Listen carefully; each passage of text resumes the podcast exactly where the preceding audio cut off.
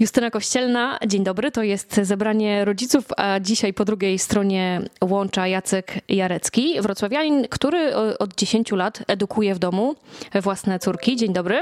Dzień dobry, witam.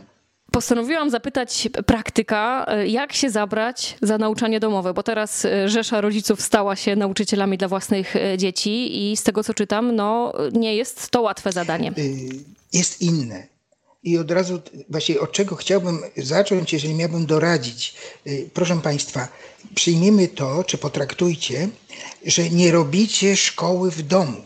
Skorzystajcie. To jest pewna szansa. W tym trudnym czasie jest to pewna szansa na spróbowanie czegoś innego.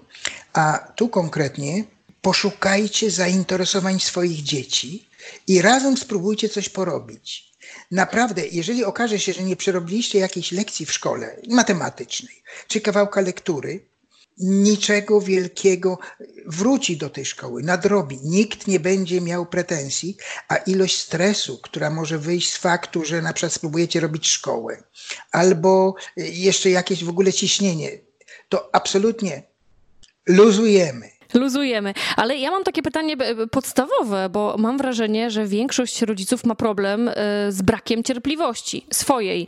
E, czytam na wielu forach, że rodzice po prostu wychodzą z siebie, tłumaczą jeden, drugi, trzeci, piąty raz, aż w końcu w pewnym momencie zaczynają się złościć. Jak to wygląda z punktu widzenia praktyka? Pan uczy od lat własne dzieci w domu. Jak to z tą cierpliwością jest? Może, być może można się jej nauczyć. To może nie jest kwestia cierpliwości, tylko tego, co próbujemy robić? To znaczy, jeżeli ktoś spróbuje, no przecież każdy miał lekcje, które lubiał, a których nie lubiał. Gdzieś tam był cierpliwy, i, a gdzieś nie był cierpliwy. W związku z tym tu ja bym, jeżeli miałbym coś takiego poradzić, to jest tak. Oderwać się, to jeszcze raz od, od tamtego, to nie, nie robimy szkoły, tylko szukamy, co nam sprawi przyjemność. A jeszcze przede wszystkim spróbujcie Państwo w tym momencie potraktować, że to nie jesteście nauczycielem, tylko jesteś tatą albo mamą. Czyli nie wchodzimy w rolę. Tak. I w tym momencie spróbujcie, a zwłaszcza coś takiego, to ja już, jeżeli pani mnie nazwała praktykiem, y, niejednokrotnie to się sprawdzało. Kiedy ja moim córkom mówię, dziewczyny, to co mogłybyście razem, co moglibyśmy razem zrobić sensownego? Poradźcie, nie mam pojęcia. Wymyślmy coś, żeby to było i sensowne, i przyjemne. I w tym momencie one zaczynają czaszkować, zaczynają kombinować. Kiedy ja pokazuję, że, jestem, że mam zaufanie, wiecie, nie mam pomysłu. No nudzi mnie sama moja własna obecność. To wy coś wymyślcie.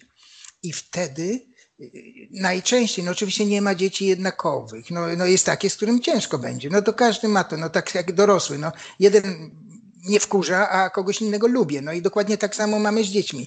I w związku z tym tu nie ma takiej sztancy i wezmę ja jako tam facet, który 10 lat uczy w domu dzieci i miał tyle czasu na mm, jakieś tam wypracowanie pewnych technik, podpowiedzieć komuś, kto raptem od dwóch tygodni czy od trzech musi coś z tymi dziećmi zrobić. Więc y, namawiałbym przede wszystkim tak, dajcie, pozwólcie im najpierw Podziałajcie, nie spieszcie się. A nawet, o i tu ostatnie, znowuż do tego w tym pasuje się zdanie, pozwólcie im się ponudzić i oni sami zaczną wymyślać.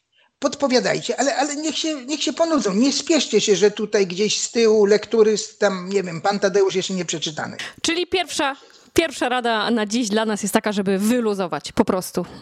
Zdecydowanie. I tutaj stawiamy kropkę, ale do rozmowy wrócimy po krótkiej przerwie. Serdecznie zapraszam.